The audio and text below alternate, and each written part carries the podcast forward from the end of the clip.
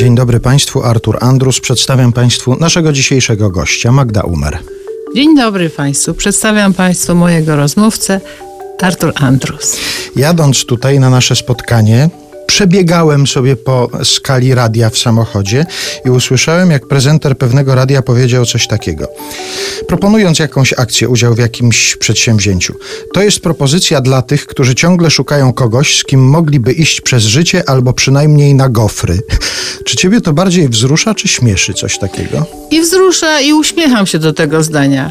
Bo właściwie gdyby nie to, że gofry już zakazane, to jest bardzo ładna zapowiedź. To można by było powiedzieć, że właśnie większość piosenek zaśpiewałam jako ta osoba. Ja myślałem, że dowiemy się, że większość piosenek, które zaśpiewałaś, to jest o chodzeniu na gofry. Ale... Nie, właśnie mówię, że, że tylko gofry są wyjątkiem, bo gofry zabronione. Mhm. Franek, mój syn, uwielbiał gofry i chodziłam z nim na gofry do Jarosławca 6 kilometrów plażą. No to czyli to jest właściwie sportowe podejście do jedzenia gofrów, tak, bo trzeba tak. się naiść, żeby najeść. On szalał za goframi. Były niedaleko takiej miejscowości nadmorskiej Wicie, gdzie spędzałam przez 20 lat wakacje i taką Warszawą dla Wicia był Jarosławiec i tam były gofry.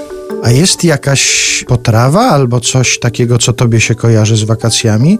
Wiesz, że jak na przykład już, no dowiedziałem się, że gofry nie, ale coś innego, że jak coś się pojawi takiego, jak te słynne na przykład truskawki w Milanówku, tak. opisane przez Wojciecha Młynarskiego, że jak coś się pojawi takiego, to że już się zbliża lato, albo już jest lato. Ale wiesz, powiedziałeś, że będziemy rozmawiali lekko, wakacyjnie, a ty właściwie poruszyłeś najboleśniejszy temat. Myślę, że i dla ciebie, i dla mnie, czyli temat jest jedzenia. Ja od lat co jakiś czas chodzę do takiej pani, która się zna na tym, co robić, żeby nie jeść, a ty mi mówisz o tym, co bym chciała sobie zjeść. Więc ja mogę ci powiedzieć, że ja bym chciała sobie zjeść całą masę rzeczy, a nie mogę sobie na to pozwolić. Jeśli już miałabym wybierać, co mi się kojarzy z wakacjami, od kiedy nie mogę sobie pozwolić na lody, według pani doktor, to byłby to sorbet cytrynowy. Mhm ma mniej cukru. No to właściwie mogłem inaczej postawić to pytanie. Czy jest coś takiego, czego ci nie wolno jeść, ale kojarzy ci się z wakacjami? Tak, wszystko. wszystko. Wiesz, kobieta, która ma 4000 lat, to jest właściwie taki ktoś, dla którego jedzenie stanowi ogromną przyjemność. Ogrom zastępuje jej wiele przyjemności z czasów młodości. W związku z czym mogłabym Ci na ten temat opowiadać długo. Ale pamiętam, że kiedyś, jak byłam jeszcze młoda, czyli w Twoim wieku, bo dla mnie teraz dzieci skończyły 40 lat wszystkie, to y, jak ktoś mnie zapytał o to, jaką potrawę wybrałabym, gdybym była na bezludnej wyspie i to byłaby jedyna potrawa, to ja wybrałam niekosztowne placki ziemniaczane. Mhm. Uwielbiam.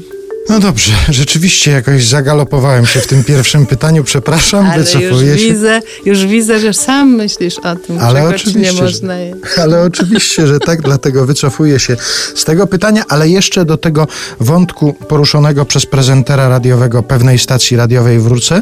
Czy ciebie łatwiej wzruszyć, czy łatwiej rozśmieszyć? Mnie jest i trudno wzruszyć, i trudno rozśmieszyć, ponieważ mi nie wystarcza byle jakie wzruszenie i byle jaki żart. Ja naprawdę y, wymagam mistrzostwa w jednej i w drugiej dziedzinie. Jako taka, wiesz, studentka Jeremiego Przybory, bo po raz pierwszy zobaczyłam go w telewizorze sąsiadki, jak miałam lat 9, to do dzisiaj uważam, że jest taki mój mistrz, który potrafi jednocześnie wzruszyć i, i rozśmieszyć na najwyższym poziomie.